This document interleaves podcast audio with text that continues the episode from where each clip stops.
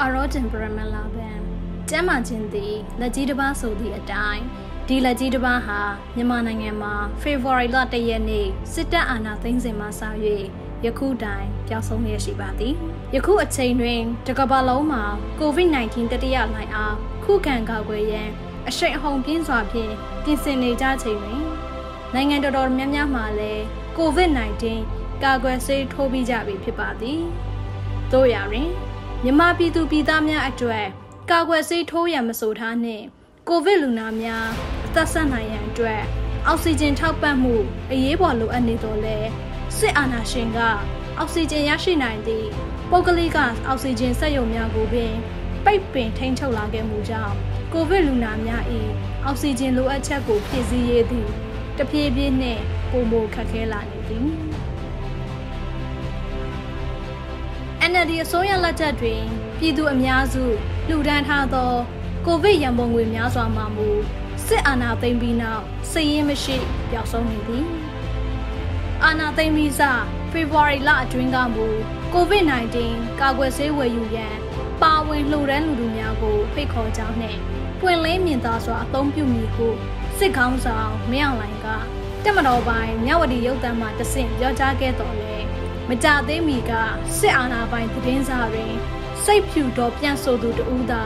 အလှငွေသသိန်းပါဝင်လှူဒန်းခဲ့သည်ကိုကြည်ကျင်အပြင်စစ်ကောင်စီအပေါ်ပြည်သူလူထုကလုံးဝအယုံကြည်မရှိသည်ကိုတွေ့နိုင်သည်မြန်မာနိုင်ငံလူအခွင့်အရေးအထူးကိုယ်စားလှယ် Thomas Andrew ကလည်းကုလသမဂ္ဂအဖွဲ့ဝင်နိုင်ငံတွေ နိုင်ငံတကာအဖွဲ့အစည်းတွေဒေသဆိုင်ရာအဖွဲ့အစည်းတွေနဲ့အစိုးရမဟုတ်တဲ့အဖွဲ့အစည်း NGO တွေအနေနဲ့သေစေလောက်တဲ့ဒီ virus ပိုးကြောင့်မြန်မာနိုင်ငံမှာသေဆုံးထိခိုက်မှုတွေမရေမတွက်နိုင်လောက်အောင်မြင့်တက်လာတာမျိုးမဖြစ်ခင်နဲ့မြန်မာနိုင်ငံဟာကြီးမားတဲ့ယောဂဖြန့်ဖြူးရေးနိုင်ငံတစ်ခုဖြစ်မလာခင်မှာ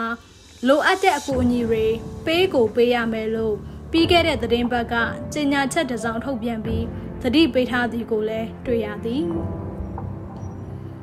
ကိုဗစ်တတိယလိုင်းသည်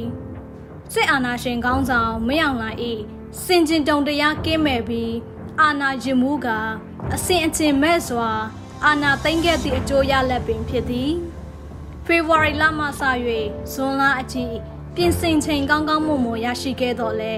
မင်းအောင်လှိုင်သည်၎င်း၏အာဏာအတွက်စန္ဒပြပွဲများကိုသာရရက်ဆက်ဆက် ပြစ်ခတ်တပ်ဖြတ်ခြင်း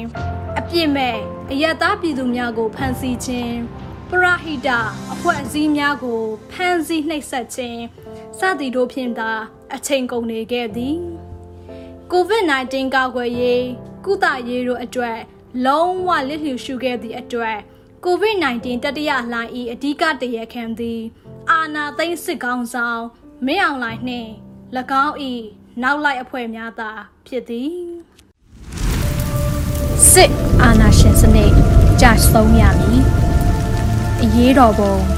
အောင်ရမည်ရေတော်ဘုံအောင်ရမည်ရေတော်ဘုံအောင်ရမည်